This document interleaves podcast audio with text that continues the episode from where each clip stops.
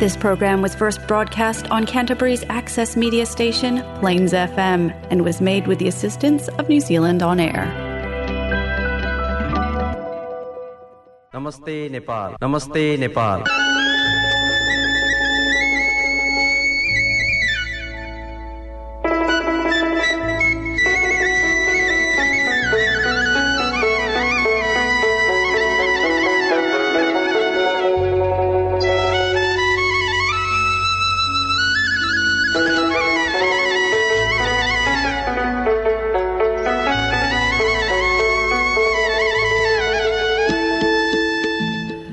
नमस्कार Nepal New Zealand friendship society क्यान्टबरीको प्रस्तुति कार्यक्रम नमस्ते नेपालको एक अर्को अङ्कका साथ यहाँहरूको घर आँगन रेडियो सेटमा उपस्थित भइ नै सकेको छु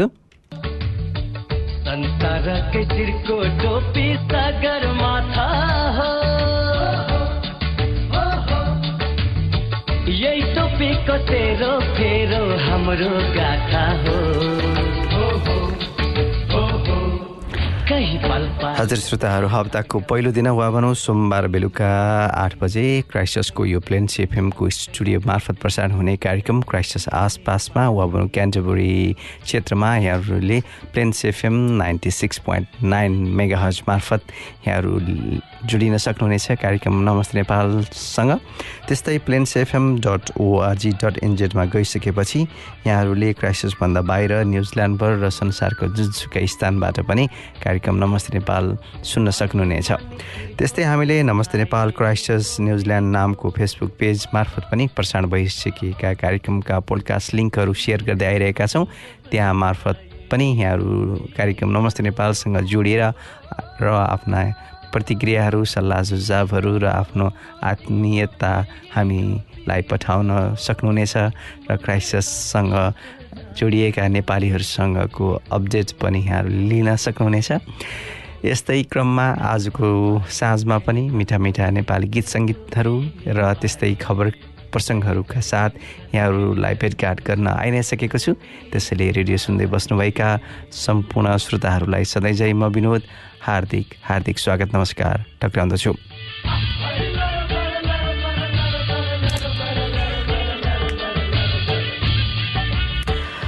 श्रोता खबरहरू विभिन्न चरणका खबरहरू छन्। के कस्ता खबरहरू हुन्? हामी सधैँ दुविधामा नै पर्ने गर्दछौँ तर सम्पादकले चुनिएका खबरहरू मात्र ती खबरहरू होइनन् र हुन् भन्ने दुविधा पनि यहाँहरूमा रहि नै रहेका हुन्छन्। त्यही पनि तोकिएका र हाम्रा नजरबाट अलिकति ओझेल परेका वा भनौँ हाम्रा नजरमा प्रत्यक्ष रूपबाट पर्न नसकेका खबरहरूलाई हामीले कार्यक्रम नमस्ते नेपाल मार्फत यहाँहरूसँग सेयर गर्ने प्रयास गर्दै आइरहेका छौँ। श्रोता ताप्लेजुङ सदरमुकाम फुङलिङदेखि दुई तिन दिनमा पुगिने विकट हिमाली गाउँ घुम्सा याङमा ओलाङचुङ ग्याब्ला जहाँ भोट माग्न समेत पुग्दैनन् उम्मेदवारहरू पन्ध्र दिन मात्रै निर्वाचन आउनै लाग्दाखेरि पनि मक्सिर चारको आसपासको यो माझोमा त्यहाँका नेपालीहरूले उम्मेदवारहरूको अनुहार हेर्न नपाएको खबर पनि छ। त्यस्तै श्रोता निर्वाचनसँगै जोडिएर अहिले नोट नो नट एगेन अभियानको कुरा पनि यहाँहरूले थाहा पाइ नै सक्नुभएको छ। सर्वोच्च अदालतले नो नट एगेन अभियान चलाउनेलाई कारवाही नगर्न अल्पकालीन अन्तरिम आदेश दिएको छ। निर्वाचन आयोगले विभिन्न दलका शीर्ष नेताहरूको फोटो राखेर नो नो नट एगेनको प्रचार रोक्न निर्देशन दिँदै तत्काल पोस्ट हटाउन फेसबुक पेज बन्द गर्न चेतावनी दिएपछि परेको रिटमा यस्तो खालको सुनवाई भएको हो। त्यस्तै श्रोता न्यायको लागि सङ्घर्षरत कुमारी आमा निहारिका निहारिका राजपुतको पनि एउटा यो मुद्दाले अलिकति किनारा लाग्ने जस्तो देखिएको छ। हुन त अझै पनि न्यायको लागि त धेरै दिन प्रतीक्षा गर्नु नपरोस् हाम्रो यस्तै खालको अपेक्षा रहेको छ। र निहारिका राजपुतको छोराको डिएनए आरोपित शिवराज श्रेष्ठसँग मिलेपछि अब यो यो न्यायको पर्खाइमा बसेकी न्यायिकाको आगामी कदम के हुन्छ र न्यायले उनलाई कसरी समावित गर्न खोज्छ र न्याय कसरी दिन दिलाउन खोजिन्छ त्यो भने प्रतीक्षाकै विषय रहनेछ। श्रोता यसरी आजको कार्यक्रमको सुरुवातमा यी खबरहरू उठाइसकेँ। त्यस्तै अब सुगौली सन्धिका प्रसङ्गहरू पनि छन्। आजको सुगौली सन्धिमा पछिल्लो पटक प्रकाशनमा आएको एउटा सामग्री पुस्तक सामग्रीको सम्पादनका केही अंशहरू मैले यहाँ प्रस्तुत गर्ने जमर्को गरिरहेको छु। त्यस्तै श्रोता चुनावको कुरा भएको छ। मतपत्र पुर्याउन सकिने अवस्थामा पाठ्यक्रमका पुस्तकहरू पठाउन हामीलाई बहाना चाहिएको हुन्छ। शैक्षिक सत्र सुरु भएको सात महिना भइसक्यो तर मुगु खत्याड आठ सुका डिकको सर्वोदय माविमा नौ कक्षामा पढ्ने विद्यार्थीहरू अर्थशास्त्र विज्ञान र शिक्षा विषयका पाठ्य पुस्तक बिनै पढ्नु परेको यो एउटा प्रतिनिधि खबर मात्र हो श्रोता। निर्वाचन आयोगका अनुसार कर्णालीका सबै जिल्लामा मतपत्र ढुवानी भइसकेका छन् तर कर्णालीका विद्यालयमा करिब पाँच लाख किताब अपुग्रो हुँदा सरकारले आँखा चिम्लेर बसेको पनि लामो समय भइसक्यो। अब आधा आधीभन्दा बढीको पढाइ पुरी पुरा भइसकेपछि अब किताब कहिले आउँछ भनेर प्रतीक्षा गर्न पनि विद्यार्थीहरूले छोडेको खबर छ। कर्णालीमा कक्षा चारदेखि दससम्मका चौध लाख एक हजार सात सय उनासी किताब आवश्यक भएकोमा नौ लाख उना उन्तिस हजार एक सय एकचालिस स्थान मात्र पुगेको यो खबर पनि छ। श्रोता निर्वाचनको चटारोमा हामी जहाँ तै खटिरहेका छौँ हुन त ओलाङचुङ गोलाका आसपासका क्षेत्रमा उम्मेदवारहरू नपुग नपुगिरहेको बेलामा कर्णालीको मुगुको एउटा सुकाढुकी सर्वोदय माविका विद्यार्थीहरूले पाठ्य पुस्तक नपाएको कुरा पनि सापेक्षी र त्यसलाई कसरी हेर्ने यो आफ्नै आफ्नै खालको परिभाषा हुन्छ। यसरी समस्याका बिचमा समाधानको हामी सधैँ अपेक्षा गरिरहेका हुन्छौँ तर हाम्रो अपेक्षाले त खासै निकास र गन्तव्य पाउन नसकिरहेको अवस्था छ। श्रोता यसरी नै आजको कार्यक्रमको दैलो उगारेको छु। अब यहाँहरूको लागि एउटा मिठो गीत प्रस्तुत गर्नेछु। त्यसपछि बाँकी रहेका प्रसङ्गहरूलाई जोड्ने नै छु। अहिले नै भने यो मिठो मिठो गीत यहाँहरूको लागि प्रस्तुत गर्दैछु।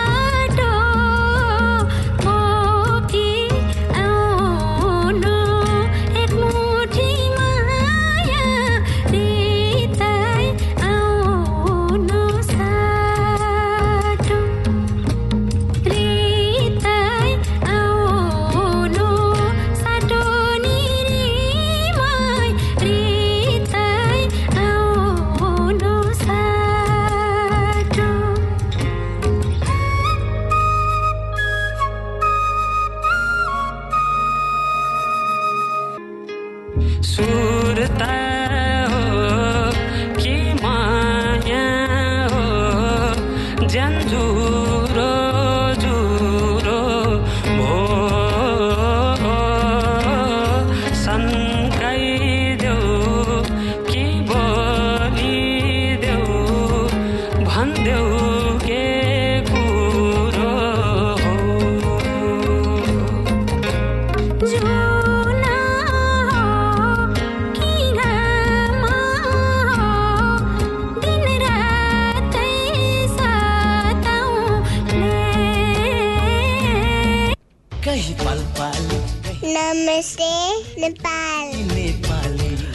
हजुर श्रोताहरू यो मिठो मिठो गीतपछि फेरि पनि यहाँहरूलाई कार्यक्रम नमस्ते नेपालमा हार्दिक हार्दिक स्वागत गर्न चाहन्छु। श्रोता अनि बाँकी रहेका प्रसङ्गहरू अब यहाँहरूलाई उठाउँदै जानेछु।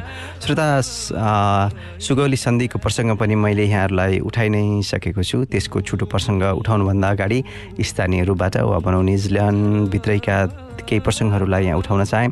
श्रोता आपूर्ति गर्ने सुपरमार्केटहरूको लागत मापन गर्ने सूचाङ्क अनुसार छोटो अवधिमा किराना मूल्य मुद्रास्फीति वा भनौँ ग्रोसरी प्राइस इन्फ्लेसन घट्ने सम्भावना धेरै कम रहेको देखिएको छ। आपूर्ति लागत प्रति वर्ष दस प्रतिशतभन्दा बढीले वृद्धि भएको पनि देखाएको छ। अक्टोबरमा लगभग नौ हजार वस्तुहरूका लागि सुपरमार्केटहरूलाई आपूर्तिकर्ताहरूले उच्च मूल्य लिएका थिए। जुन महामारी अघिको सन् दुई हजार उन्नाइसको समान त्यही महिनाको तुलनामा झन्डै पाँच गुणा बढी हो र हामीले अब ग्रोसरीको प्राइस वा पनि मूल्य चाँडै नै घटिहाल्छ कि भन्ने अपेक्षा गर्नु पनि गलत हुन्छ कि भन्ने खालको यो प्रसङ्गले इङ्गित गरेको छ। श्रोता बैङ्कहरूको पनि अब नाफाको कुरा पनि एउटा समाचारको बिन्दु हुन्छ। अहिले पछिल्लो पटक वेस्ट ब्याङ्क न्युजिल्यान्ड ब्याङ्कले गत वर्षको गत वर्ष बिलियन डलर बराबरको नाफा गरेको छ।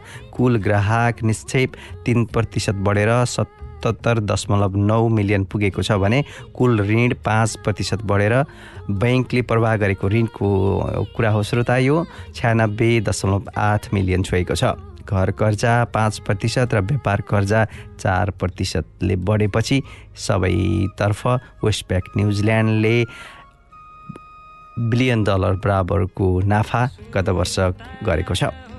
त्यस्तै श्रोता कोभिडको प्रसङ्ग पनि हामीबाट अलिकति मत्थर भएको हो कि भन्ने हामीलाई लागिरहेको यदि छ भने गत हप्ता अलि त्यस्तो भएको छैन। गत हप्ता एकचालिसजनाको दुःखद अवसान भएको छ वा मृत्यु भएको छ कोभिडको कारणले भने बिस हजार आठ सय दुई केसहरू गत हप्ता रिपोर्ट भएका थिए। हिजो मध्यरातसम्ममा भाइरसको साथमा अस्पतालमा तिन सय बाइसजना अस्पतालमा भर्ना भएका छन् भने तीमध्ये आठजना अति अग सघन कक्ष वा भनौँ आइसियुमा नै छन्। यसरी यो कोभिडको प्रसङ्ग पनि मैले यहाँ यहाँहरूलाई जोडेँ। अब श्रोता सुगौली सन्धि सन्धिसँग जोडिएका कुराहरू पनि छन्। लिपिया लिम्पिया लिम्पिया धुरा लिपुले कालापानीका कुराहरू पनि छन्। अब त्यसैलाई सन्दर्भ पारेर भाल भारतको गलत तर्क त हामीले भनिरहेका छौँ। नियतको कुरा पनि हामीले जोड्दै आइरहेका छौँ। सन् अठार सय सोह्रको सुगौली सन्धि लगायतका प्रमाणलाई आधार मानेर नेपालले लिम्पियाधुरा सहितको चुच्चे नक्सा सार्वजनिक गरेको त यहाँलाई थाहा भएकै कुरा हो र दुई सय वर्ष पुरानो सुगौली सन्धिले नेपालको पश्चिम सिमाना निर्धारण गर्यो तर अहिलेसम्म सीमा समा समस्या भने समाधान भएको छैन र इपिजे वा भनौँ बौद्धिक व्यक्तित्वहरू सामेल भएको एउटा अध्ययन प्रतिवेदन पनि भारतीय प्रधानमन्त्रीले त्यसलाई लिन नचाहेपछि अहिले त्यो पनि दराजमै थन्केर रहेको छ। सुगौली सन्धिले नेपाल र ब्रिटिस भारत बीचको सिमाना महाकाली नदी हो भनेर प्रष्ट शब्दमा भनेको छ भन्ने विज्ञहरूको धेरै धेरै विज्ञहरूको तर्क रहेको छ र प्रमाण पनि छ। महाकाली नदीको उद्गम स्थल नेपाल भारत चिनको त्रिपक्षीय बिन्दु हो। लिम्पियाधुरा मुहान भएको महाकाली नेपाल र भारतीय बीचको सीमा नदी पनि हो। भारतले महाकाली नदीको मूल उद्गम स्थललाई नजरअन्दाज गरेर त्योभन्दा पूर्व रहेको कहिले लिपु खोला कहिले कुन नदीलाई महाकाली भन्ने गरेको छ। भारत सुगौली सन्धिको बर्खिलाप जानु नै सीमा विवादको मुख्य कारणको रूपबाट पनि बौद्धिक व्यक्तित्वहरूले तर्क गर्दै आइरहेका छन्। सुगौली सन्धि अनुसारै महाकाली नदीलाई नै सीमा मानिदिएको भए त्यस क्षेत्रमा सीमा विवाद हुँदै हुँदैन थियो। सर्वे अफ इन्डियाले सन् दुई हजार उन्नाइसको नोभेम् नोभेम्बर यता निकालेको सातौँ आठौँ र नौ नक्सामा काली नदी काली नदी महाकाली लिम्पिया धुरालाई यो महाकाली नदीसम्म तिन थरी कुराहरू गरेका छन्। वा भनौँ नोभेम्बर यता निकालेको सातौँ आठौँ र नवौँ नक्सामा काली नदीसम्म तिन थरीका कुराहरू छन्। लिम्पिया धुरा मुहान भएकै नदी महाकाली नदी हो भन्ने कुरा भारतलाई राम्रोसँग थाहा छ। त्यसअनुसार गुन्जी नाभि कुटी सबै नेपालमा पर्दछन्। तर त्योभन्दा धेरै पूर्व कालापानीमा आएर भारत बसिसक्यो र भारत कुनै पनि हालतमा कालापानी छोड्न चाहँदैन र उसका लागि सामरिक दृष्टिले यसको ठुलो महत्त्व छ। कालापानी भारतका लागि तिब्बतलाई निहाल्ने मुख्य ठाउँ पनि हो। त्यही कालापानी नछाड्नका निम्ति भारतले गलत तर्क गरिरहेको भन्ने कुरा भारतीय नक्साले बताउ बताउँदछन्। प्राध्यापक पिताम्बर शर्माको सम्पादनमा Nepal India border dispute Mahakali and Susta पुस्तक प्रकाशनमा आएको छ र त्यसैका केही अंशहरू मैले यहाँहरूसँग प्रस्तुत गरि नै सकेको छु। श्रोता अब यो त हाम्रो कुराहरू भयो। अब यहाँहरूले अहिले क्रिकेट वर्ल्ड कप पनि हेरिरहनु भएको छ होला रोमाञ्चक भएको छ। अब अस्ट्रेलिया आयोजक हुँदाहुँदै पनि सेमी फाइनलको यात्राबाट बाहिरिएको छ भने नेदरल्यान्ड्सले अचम्मको नतिजा निकाल्दै साउथ अफ्रिकालाई पराजित गरेपछि लगभग सम्भावनाको खेलभन्दा टाढा रहेका बङ्गलादेश र पाकिस्तानले सेमिफाइनलको एउटा स्थानका लागि प्रतिस्पर्धा गरेकोमा पाकिस्तान सेमी फाइनलमा प्रवेश गर्दै अब न्युजिल्यान्डसँग खेल हुने छ भने इन्डिया र इङ्ल्यान्ड बिचको प्रतिस्पर्धीको विजेता अर्को पट अर्को भने अर्को क्रममा फाइनलमा पुग्नेछ। श्रोता अब यो त कुराहरू भयो। अब त्यस्तै हामीले अब पाकिस्तानकै कुरा गर्दा पाकिस्तानमा पनि खासै सकारात्मक खबरहरू आउन सकिरहेको छैन। पाकिस्तान सरकारले टेलिभिजन च्यानलहरूमा पूर्व प्रधानमन्त्री इमरान खानको भाषण प्रकाश प्रकाशन प्रकाशनमा रोक लगाएको खबर पनि छ। पाकिस्तानका पूर्व प्रधानमन्त्री इमरान खानलाई सरकार विरोधी विरोध प्रदर्शनको क्रममा गोली हान्ने घाइते भएका छन् र सोही क्रममा उनी गोली लागेर घाइते भएका छन् र अब यस्तै यस्तै खालको खबर छ। त्यस्तै अब स्वास्थ्य सङ्कटकालको कुरा अब दिल्लीमै आइपुगेको छ। कक्षा पाँचसम्मका विद्यालयहरू बन्द भएका छन् भने कर्मचारीलाई घरबाटै काम गर्ने सुविधा दिँदै ट्रक र डिजेलबाट चल्ने कार चलाउन रोक लगाउँदै प्रदूषणका कारण दिल्लीमा स्वास्थ्य सङ्कटकाल घोषणा गरिएको छ। एक अध्ययनले दिल्लीको हालको प्रदूषित वायु दिनमा दसवटा चुरोट पिउनु बराबरको खतरनाक अवस्थामा पुगेको देखाएको छ। गुणस्तर सूचाङ्कमा तिन सयभन्दा माथि अवस्था मानव स्वास्थ्यका लागि धेरै नै खराब मानिएको हुन्छ। स्वास्थ्य कर्मीहरूका अनुसार प्रदूषणकै कारण श्वास प्रश्वासका समस्या खोकी नाक बग्ने आँखा चिलाउने घाँटी दुख्ने जस्ता लक्षणहरू देखिएका छन्। र प्रदूषणले दिल्लीको आकाशमा केही दिन यता धुम्म समेत पारेको छ। श्रोता यसरी आजका समस्याहरू के समस्याहरू हुन् वातावरणीय समस्या पनि छन् दैनिक गुजराका पनि समस्याहरू छन् सीमाका कुराहरू पनि छन् अनि पाठ्य पुस्तक नपुगेका कुराहरू पनि छन् निर्वाचनको सङ्घारमा उम्मेदवार नपा नआएका कुराहरू पनि छन् यी सबै कुराहरूलाई समेट्दै आजको कार्यक्रममा यी प्रसङ्गहरू प्रस्तुत गरिसकेपछि फेरि अब यहाँहरूको लागि मिठो अर्को गीत प्रस्तुत गर्ने बेला भएको छ। यो गीत अबको क्रममा।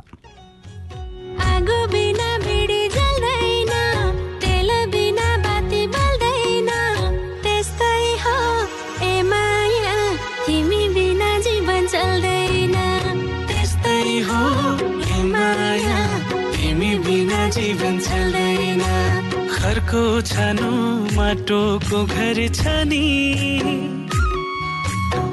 तिम्रै माया तिम्रै त भर छ। नि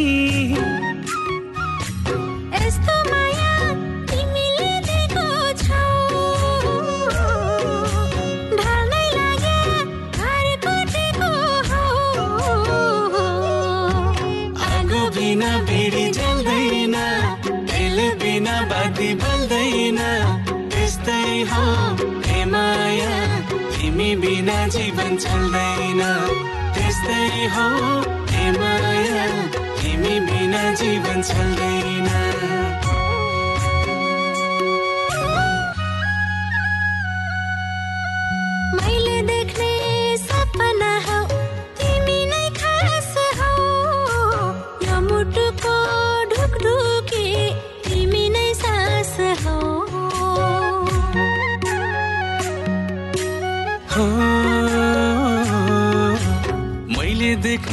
सपना हौ तिमी नै खास हौ।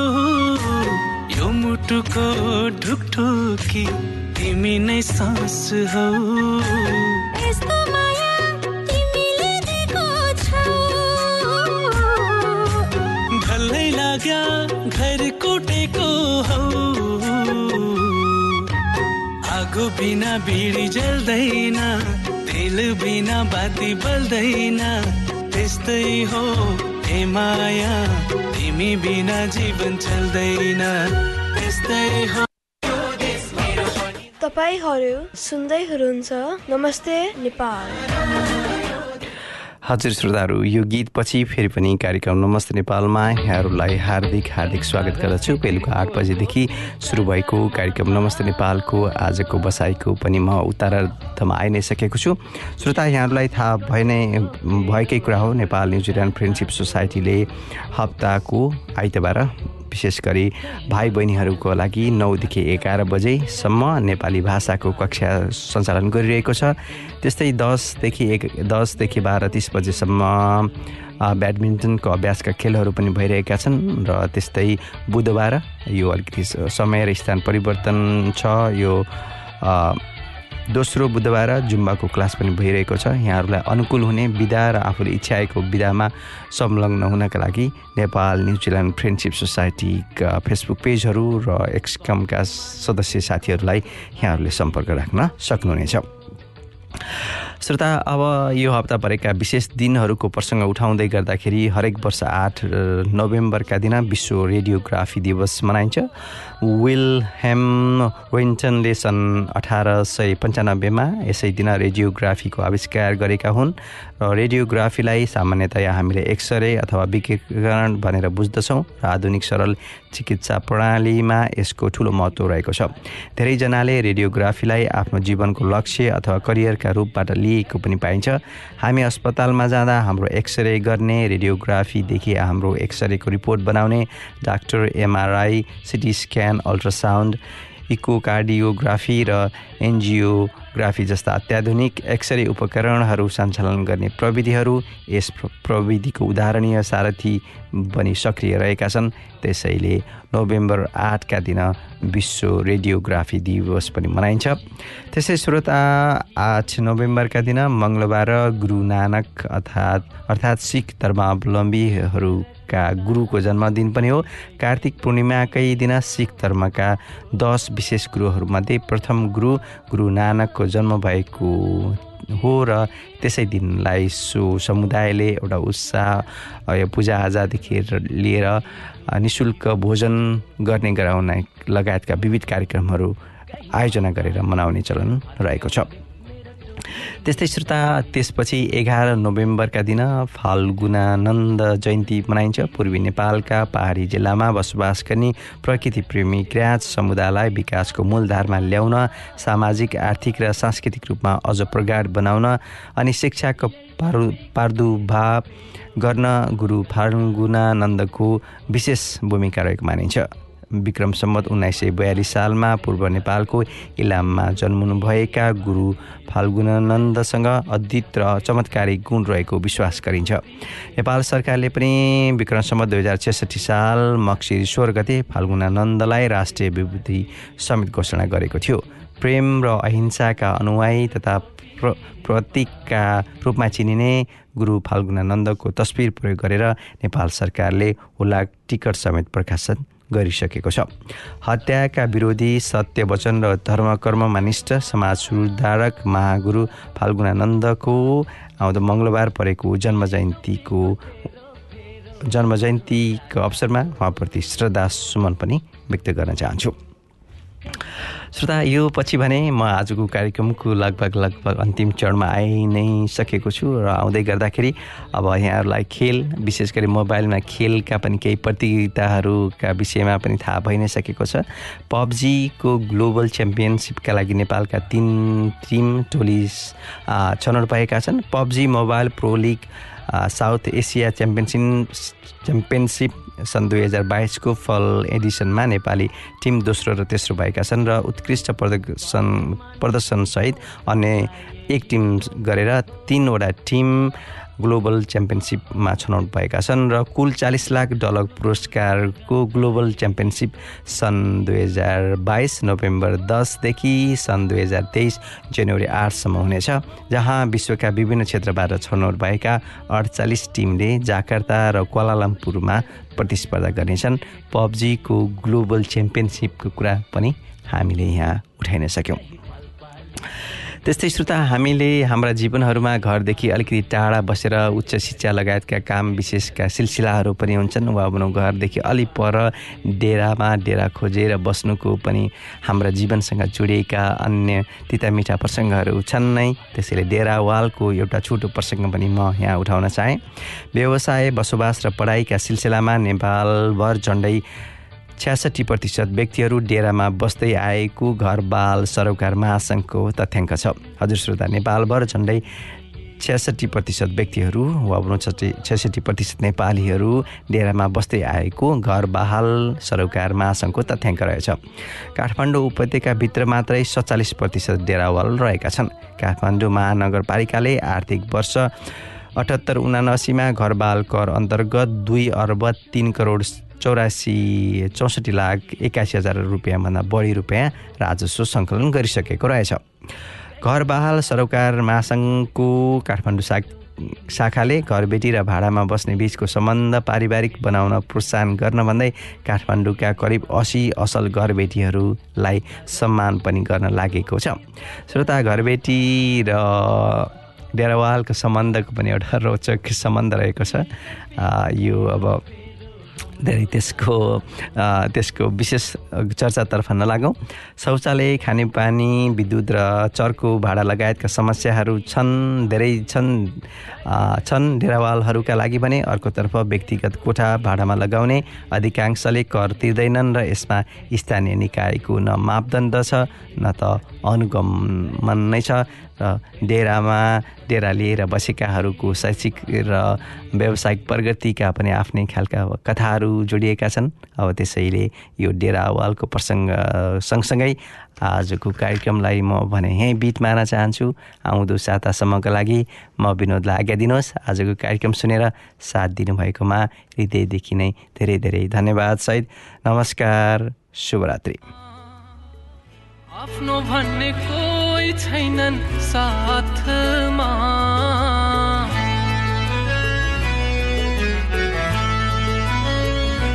हो सपनाको भारी छ आँखामा।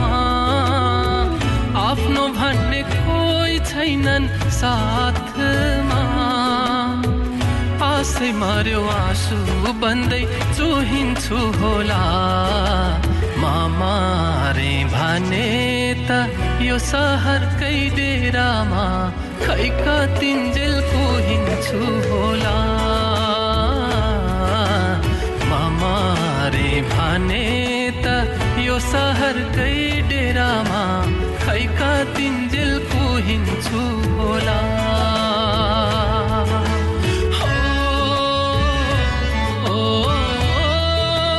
नमस्ते नेपाल नमस्ते नेपाल।